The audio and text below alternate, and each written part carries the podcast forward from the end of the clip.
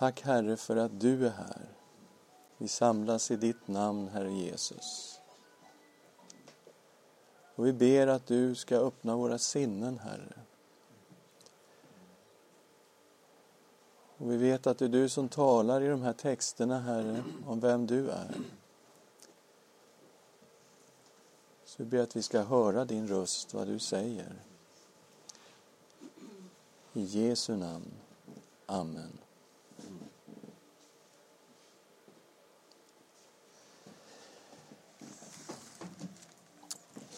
Ja, vi håller ju på med eh, de övergripande teman som vi hittar i Johannes evangeliet. Och vi arbetar utifrån det som evangeliet har sagt själv om varför Johannes skrev det här evangeliet. Och jag läser Johannes 20, vers 31. Men dessa har, skrivit, har blivit nedskrivna för att ni ska tro att Jesus är Messias, Guds son och för att ni genom tron ska ha liv i hans namn. Så det är huvudtemat vi rör vid här i hela Johannesevangeliet som har skrivits för att vi ska tro att Jesus är Messias, Guds son och genom den tron ska ha liv i hans namn. Och det är därför som vi tittar på de här sju Jag är-avsnitten i Johannes för att se vad säger då Jesus om sig själv? Vad innebär det att han säger eh, att han är Guds son och att han är Messias? Och vi såg då först eh, Jag är livets bröd. Sen har vi tittat på Jag är världens ljus. Förra gången gick vi igenom vad det innebär när han säger Jag är dörren och Jag är den gode herden. Och idag ska vi titta på de tre sista. Jag är uppståndelsen och livet. Och vi läser kapitel 11, vers 21 till 26. Marta sa till Jesus, Herre, om du hade varit här skulle min bror inte ha dött. Men också nu vet jag att Gud kommer att ge dig vad du än ber honom om. Jesus sa, din bror ska uppstå. Marta svarade, jag vet att han ska uppstå vid uppståndelsen på den yttersta dagen.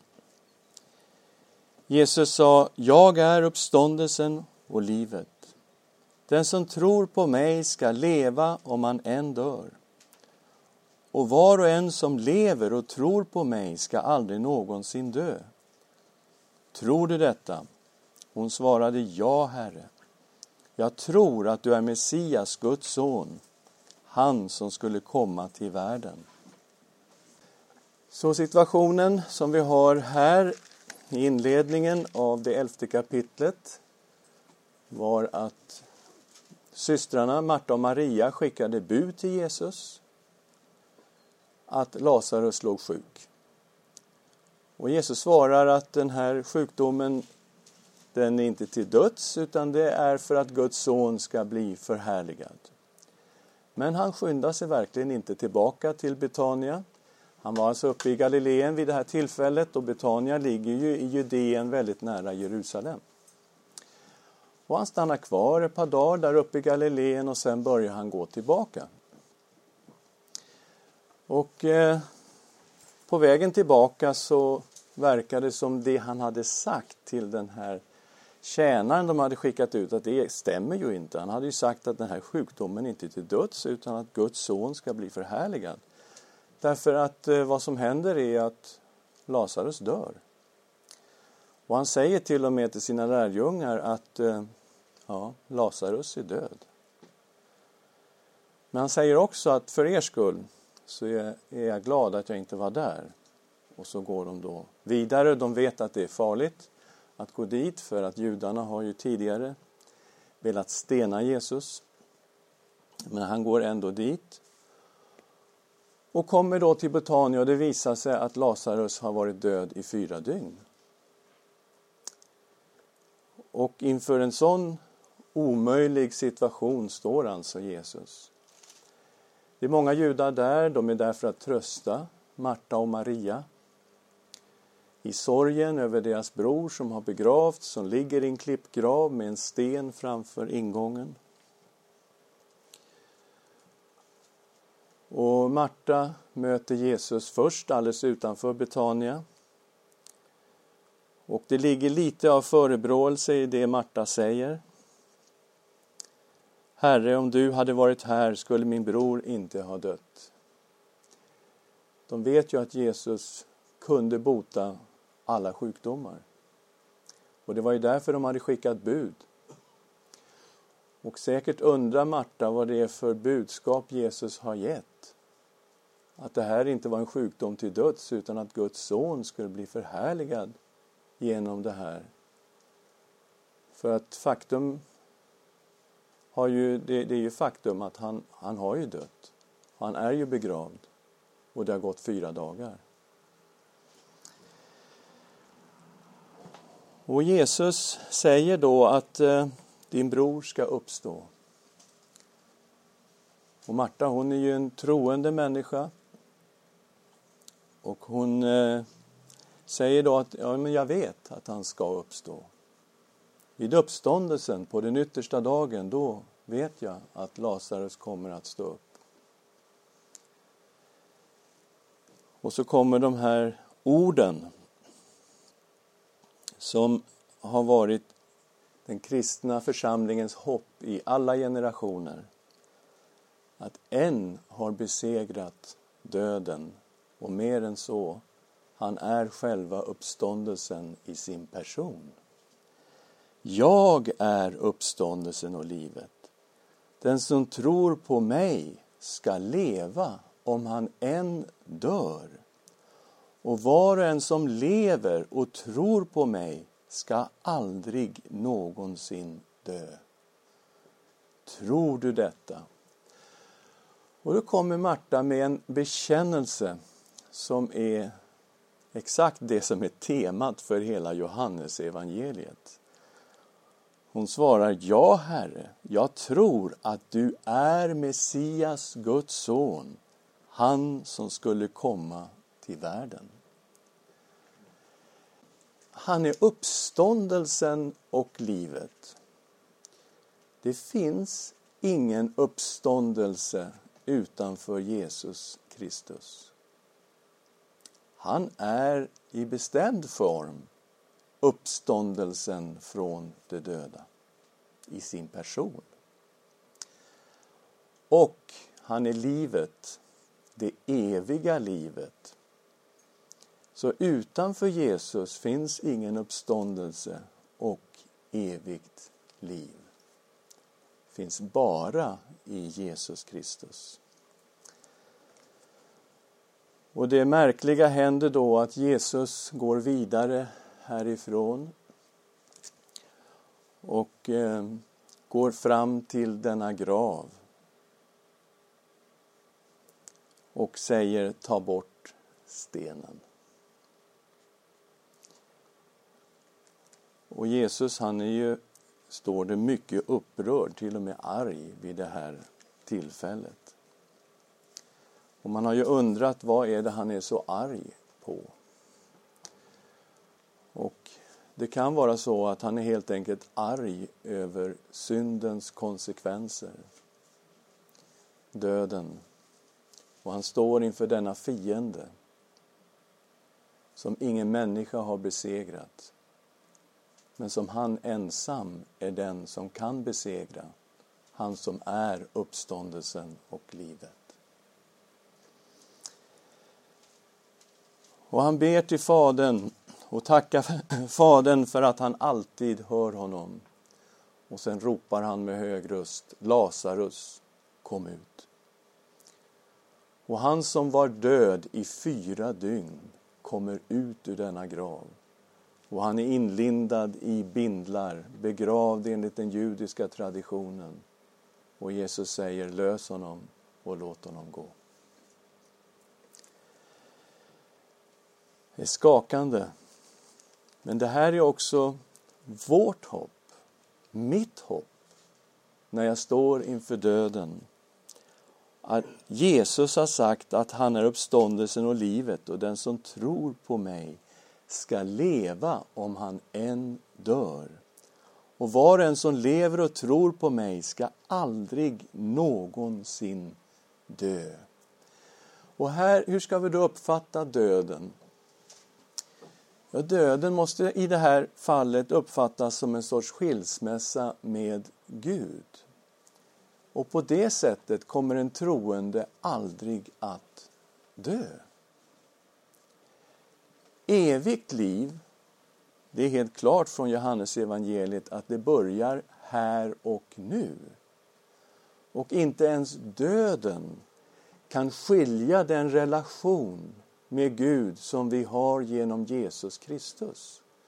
Utan det är ett evigt liv som börjar här i tiden och fortsätter rakt igenom döden in i härligheten. För hur ska vi annars kunna förstå att Jesus säger att den som lever och tror på mig ska aldrig någonsin dö. Livet fortsätter efter döden och gemenskapen med Gud är intakt, rakt igenom döden. Att det så finns en uppståndelse, det är vad Nya Testamentet talar om. Därför att människan är inte bara frälst till sin själ och sin ande. Utan när Gud frälser människan, då frälser han hela människan. Ande, själ och kropp. Och som Jesus uppstod i en förhärligad kropp så kommer de troende också att uppstå i förhärligade kroppar. Så det finns en uppståndelse från de döda som gäller själ, ande och kropp. Jesus är uppståndelsen och livet.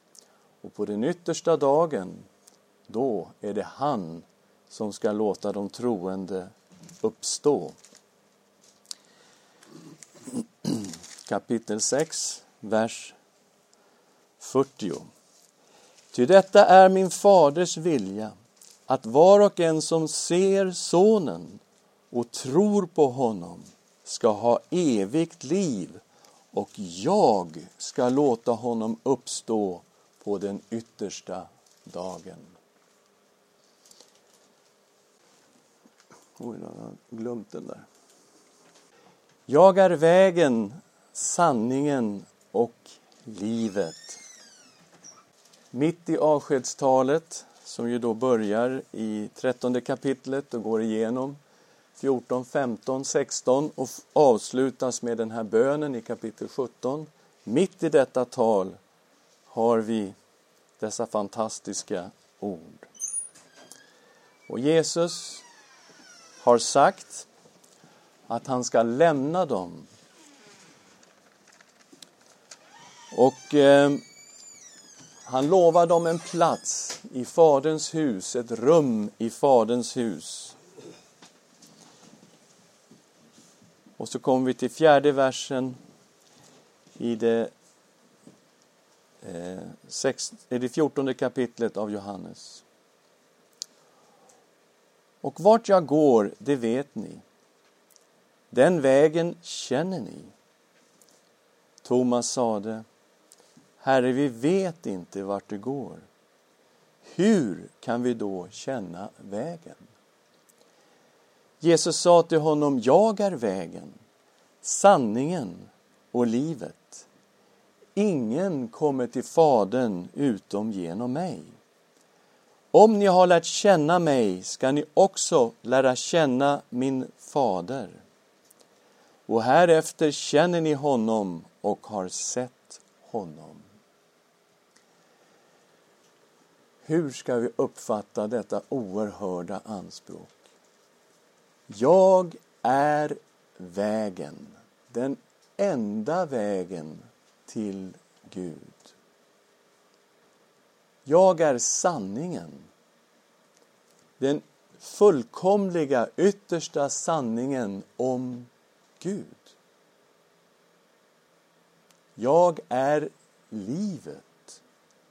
Den som har kommit för att ge evigt liv åt alla dem som följer honom. Han som har liv i sig själv, femte kapitlet, på samma sätt som Fadern har liv i sig själv, har han givit åt Sonen att ha liv i sig själv. Gud, ursprung till allt liv, källan till allt liv, allt skapat genom Sonen. Han är Ordet. I Ordet var liv och livet var människornas ljus. Han är vägen. Hur kan han vara den enda vägen till Gud? Vem kan göra sådana anspråk?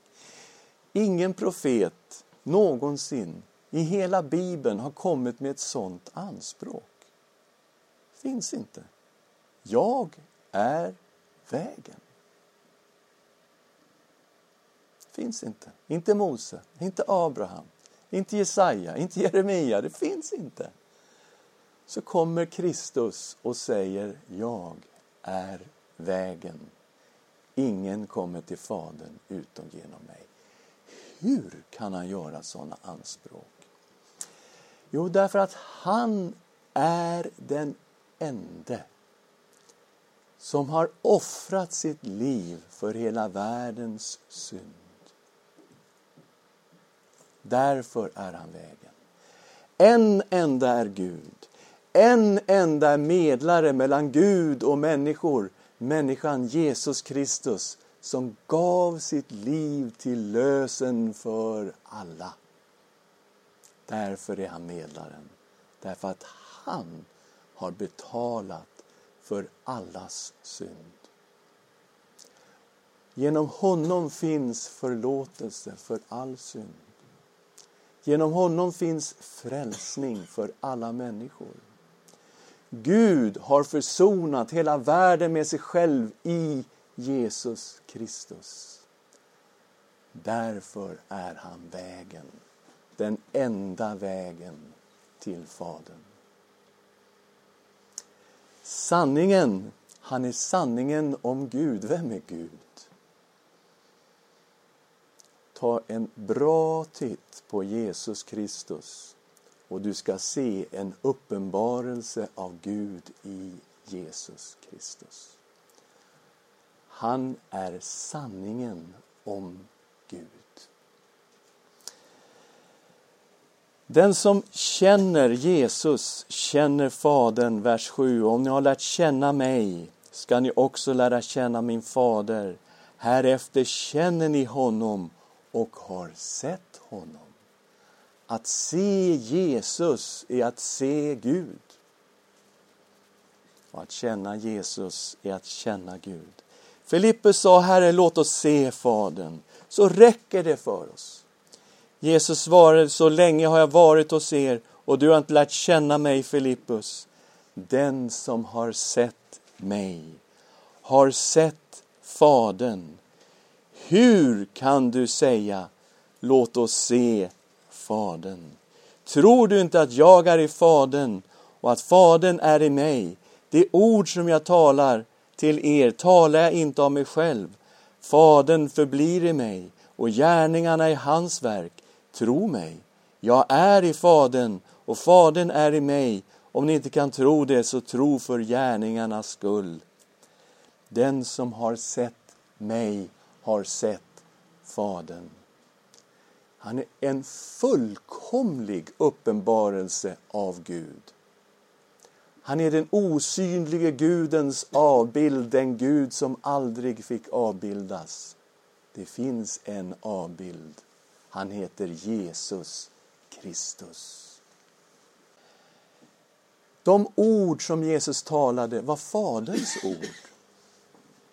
De gärningar som Jesus gjorde var Faderns gärningar. Gud är en, Fader, Son, helig Ande. Anden var ju över Kristus. Johannes döparen berättar att han såg det här tecknet. Jag såg Anden komma ner som en duva och han förblev över honom. Det var tecknet för Johannes döparen som då säger jag har sett det och jag har vittnat att han är Guds son. I tredje kapitlet, vers 34. Den som Gud har sänt talar Guds ord. Gud ger honom sin ande utan att mäta. Allt han sa var sagt i den helige Andes fullhet och kraft. Och det är därför som han säger i det sjätte kapitlet Det ord som jag har talat till er är ande och liv. Orden var Faderns. Gärningarna var Faderns. Fylld av den helige Ande utan mått, utan någon gräns. Gränslös fylld av Guds ande. Den som har sett Jesus har sett Gud, har sett Fadern. Gud är en, Fader, Son, helig Ande. I allt vad Jesus sade och gjorde uppenbarades den treenige. Den ende Guden. Han är vägen, sanningen och livet. Ingen kommer till Fadern utom genom honom. Finns det? Och där kom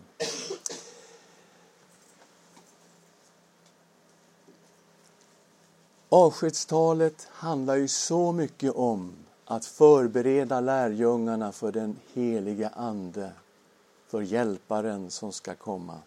Jag ska be Fadern och han ska sända er en annan hjälpare som för alltid skall vara hos er, sanningens ande som världen inte kan ta emot. De ser honom inte och känner honom inte. Han är hos er och skall vara i er. Och det här med anden som ska bo i de troende förklarar hela avskedstalet det märkliga att han tar avsked och säger jag lämnar er, jag går tillbaka till Fadern. Men han talar ju om en gemenskap som är så mycket djupare än vad han hade haft när han vandrade med dem på jorden. Och det kan bara förklaras utifrån den helige Ande som ska bo i de troende. Där det blir en närmast organisk gemenskap mellan Jesus och de som följer honom. Och vi kommer till det femtonde kapitlet där Anden inte är omnämnd men som är själva förklaringen till hur detta överhuvudtaget är möjligt. Vi läser vers 1 till 5. Jag är den sanna vinstocken och min fader är vingårdsmannen. Var gren i mig som inte bär frukt skär han bort för att den, för, för att den ska bära mer frukt. Ni är redan nu rena i kraft av det ord som jag talat till er. Förbli i mig, så förblir jag i er. Liksom grenen inte kan bära frukt av sig själv utan endast om den förblir i vinstocken. Så kan inte heller ni det om ni inte förblir i mig. Jag är vinstocken, ni är grenarna. Om någon förblir i mig och jag i honom bär han rik frukt, ty utan mig kan ni ingenting göra. Ja, Fadern är trädgårdsmästaren, vingårdsmannen som beskär sin vinstock. Fadern har ett mål, det är att den här vinstocken ska bära rik frukt, mycket frukt. Och det ska vara toppkvalitet på frukten. Och det är därför som han beskär sin vinstock, för att frukten ska bli mycket god. Och när frukten är jättebra, då blir Fadern förhärligad. I åttonde versen här. Min fader förhärligas när ni bär rik frukt och blir mina lärjungar. Då får trädgårdsmästaren den credit som han ska ha när vinstocken bär rik frukt. Kristus är själva vinstocken och vi är grenarna i Kristus. Och som grenar i vinstocken så har vi egentligen bara en huvudsaklig kallelse och det är att förbli i vinstocken. Om vi lever nära Jesus då flödar anden genom grenen in i den här grenen och det blir frukt, rik frukt. Vi ska förbli i Jesus, leva nära Jesus. Då kommer Andens liv flödande in i oss. Jesus säger någonting som förvånar oss här och som man som instinktivt bara studsar på varje gång man läser. Utan mig kan ni ingenting göra. Och man tänker, vad då? Det är ju inte ens sant. Tänk på alla icke troende som kan göra så fantastiskt mycket. Vad då ingenting göra? Men det har att göra med den typen av frukt som Fadern är ute efter. En frukt som består. En bestående frukt. Och den frukten kan ingen människa, vare sig kristen eller icke-kristen, bära utan Jesus Kristus. Det är fullständigt omöjligt. Ni har inte utvalt mig, vers 16, utan jag har utvalt er och bestämt om er att ni ska gå ut och bära frukt, sådan frukt som består. För att Fadern må ge er vad än ni ber honom om i mitt namn. Den här frukten kan vi inte göra utan Jesus. Av frukten känner man trädet, har Jesus sagt. Och trädet är Jesus. Ja, men då blir frukten någonting som liknar Kristus. Och vi ser här att han talar om frukter. Han talar om kärleken. Att vi ska älska varandra som han har älskat oss. Han talar om glädjen för att min glädje ska bo i er, för att er glädje ska bli fullkomlig. Han talar om friden. Min frid ger jag er. Era hjärtan var inte oroliga eller försagda. Kärlek, glädje, frid och vi ser att det handlar om Andens frukt. Den som lever nära Jesus får den helige Andes frukt flödande in i sitt liv.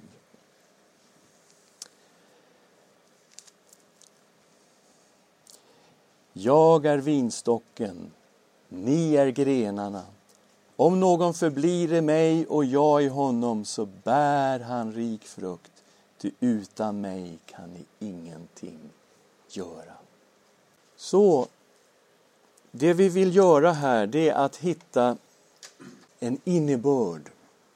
En innebörd när evangeliet säger att det här är skrivet för att ni ska tro att Jesus är Messias, Guds son. Vad innebär det? Han är livets bröd. Den som tror på honom den som kommer till honom ska aldrig hungra och den som tror på honom ska aldrig någonsin törsta, säger han. Livets bröd. Alla människor bär på en djup längtan. Och innerst sett har vi en längtan efter Gud. Guds längtan är nedlagd i alla människor.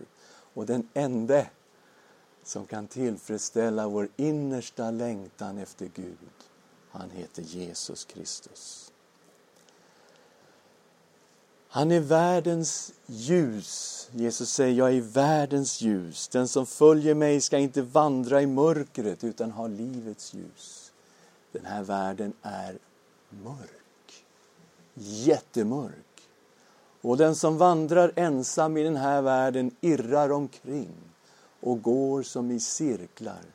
Har inget mål, ingen mening, vet inte varifrån han kommer eller vart han går. Men den som följer Jesus har livets ljus. Han är världens ljus. Och det finns ett ljus som lyser i den här mörka världen. Han heter Jesus och vi är hans efterföljare. Jesus säger att han är dörren. Den som går in genom mig ska bli frälst. Han ska gå in och ut och finna bete. Det finns en fårfålla. Och inne i den här fårfållan finns Jesu får. Och det finns en inbjudan till alla människor att gå in genom dörren och bli ett av Jesu får. Den som går in genom Jesus ska bli frälst. Och han ska få gå in genom den här dörren och ut genom den här dörren och finna bete. Och han ska få liv och liv i överflöd. Och Jesus säger att han är den gode heden. En gode heden ger sitt liv för fåren. Han är den heden som leder oss som hans får. Han leder oss till livets vattenkällor. Han är den heden som beskyddar sina får. Han är mycket god herde för han älskar sina får. Han känner dem vid namn, var och en. Han kallar på dem och de följer honom. Han älskar dem så mycket att han ger sitt liv för fåren. Vilken herde! Vilken kärlek! En herde som offrar sig själv för fåren. Och han säger, jag ger dem evigt liv och det ska aldrig någonsin gå under och ingen kan rycka dem ur min hand. Vilken underbar herde som ger fåren evigt liv och beskyddar dem så att ingen kan rycka dem ur hans hand. Han är uppståndelsen och livet. Den som tror på honom ska leva om han än dör. Och var och en som lever och tror på honom ska aldrig någonsin dö. Tänk att Jesus är själva uppståndelsen i sin person. Det finns ingen uppståndelse utanför Jesus, men i Jesus Kristus finns uppståndelsen från de döda. Och där finns det eviga livet. Han är uppståndelsen och livet. Han har besegrat döden. Och för alla som följer honom har han besegrat döden. Han är vägen, sanningen och livet. Och det finns absolut ingen som kommer till Fadern utom genom Jesus. Han är den enda vägen till Gud. Han är den fulla sanningen om Gud. Och han är själva livet. Han ger evigt liv. Och han är den sanna vinstocken. Om någon förblir i mig och jag i honom bär han rik frukt. Ty utan mig kan ni ingenting göra. Vårt liv här på jorden kännetecknas av detta, av vinstocken och grenarna. Spring inte ut och tjäna Gud det första du gör. Det första du gör, gå till Jesus. Gå till Jesus. Lev med Jesus, vandra med Jesus. Var uppfylld av Jesus. Då verkar Guds ande in i ditt liv och det blir mycket god frukt. Ett liv som är förvandlat av den heliga Andes kraft där Jesu kärlek, glädje, frid blir synlig i frukten. Ska vi be tillsammans. Herre, vi tackar dig för den du är, det du har sagt om dig själv. Du, Herre, du är livets bröd. Tack Herre att vi har fått tag emot av dig, Jesus Kristus. Du som tillfredsställer vår innersta längtan efter Gud. Ära vare ditt namn. Tack att du är världens ljus. Att vi inte behöver irra omkring i den här mörka världen utan mål och mening. Utan vi får vara dina efterföljare, Jesus Kristus. Tack att du är dörren, att vi har fått gå in genom dig och uppleva frälsning. Blivit ett av dina får. Du som är den gode heden, tack att du gav ditt liv för oss. Tack Jesus Kristus, Guds son. Vi prisar och ärar dig. Och vi tackar dig Herre att det är du som beskyddar oss som dina får. Du är den gode heden och ingen kan rycka oss ur din starka hand. Tack Herre Jesus Kristus att du är uppståndelsen och livet. Herre, du har besegrat själva döden i din person och du är uppståndelsen. Tack Herre att vi har hopp inför tid och evighet och att till och med denna fiende döden har du besegrat. Vi ger dig ära Jesus Kristus. Du som är vägen, sanningen och livet. Vi tackar dig Herre för att vi får tillbe dig. Vi vet att du är en uppenbarelse av Fadern. Och den som har sett dig har sett Fadern. Och när, Herre, när vi känner dig så känner vi Gud i dig. Vi tackar och prisar dig, vår älskade Jesus Kristus. Du som också är den sanna vinstocken. Tack Herre att vi får vara grenar i dig och ge oss nåd att alltid förbli i dig, att alltid leva nära dig så att du får fylla oss med din Ande och verka rakt in i våra liv. Levande Gud, vi ger dig ära. I Jesu namn. Amen. Ja, vi har ett par minuter, men inte mer. Eh, har vi några frågor på det här avsnittet? I kapitel 14, vers 12 mm. så står det något mycket remarkabelt. Att eh, han ska utföra gärningar som jag och ännu större. Mm. Det större gärningar. Ja, precis. Jag har verkligen funderat på vad skulle det kunna vara? Vi har ändå 2000 år av eh, historia att titta tillbaks på.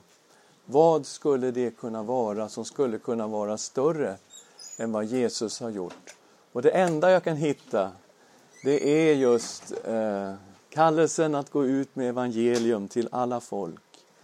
Och det som händer i Kina nu, det som har hänt i Korea, det som händer i land efter land där, där eh, Guds väckelse är utgjuten och människor kommer till tro, inte bara i tusental utan i miljontals. Det är den enda gärningen jag hittar som på något sätt skulle kunna svara mot det här. Eh, och, eh, men då måste vi samtidigt säga, inte ens det kan någon göra, mig förutan kan ingenting göra. Att eh, i slutändan så är vi ju bara instrument och egentligen är allt det Guds verk också. Så att visst, det är ingen enkel påstående att vi ska göra större gärningar än vad han har gjort. För om det är någonting i det så är det ändå han som gör det genom oss. Mm. Ja. Det är ju indirekt så faller det tillbaka på Jesus. Ja. Ja, någon mer fundering kring de här texterna? Ja, det är densamma som den heliga Ande. Ja. Jesus ger honom en liknande roll, helt klart. Han eh, säger att jag ska sända er en annan hjälpare som för alltid ska vara hos er. Det betyder att de hade ju en hjälpare och han ska sända en annan. Så visst ligger det någonting att det är en väldigt liknande uppgift som anden och Jesus har. Och då kan man tänka sig att Jesus hade undervisat lärjungarna om Gud, hade förklarat Guds rike för dem, hade hjälpt dem och lett dem under den här vandringen. Så han hade ju verkligen varit så att säga den som hade fört dem nära Gud och undervisat och hjälpt dem. Och på så vis så finns det en stor likhet mellan det anden gör och det Jesus gjorde. För anden, han kommer att förhärliga Kristus, han kommer att leda lärjungarna in i hela sanningen. Och han är den som bor i oss och ger oss kraft. Så att visst, det finns stora likheter mellan Jesus och anden och föga förvånande, Gud är en. Så visst vore jättekonstigt om det var stora, någon, någon sorts olikheter på det sättet. Ja, Jenny? Men de här jag är skulle man ju inte sätta på anden exempel. Nej, Det är det som blir så unikt. för Just det. Det är bra. Och det är mycket viktigt det du säger. Det skulle man inte sätta på anden. Därför att anden är utsänd för att vittna om Jesus. Han ska vittna om mig, sa Jesus om anden. Och han sa också, han ska förhärliga mig. ty av mitt ska han taga och ge åt er. Så andens uppgift är ju att vittna om Jesus och förhärliga Jesus. Så det är jätteviktigt det du säger. Att se på Jesus och du får möta Guds ande i Jesus Kristus.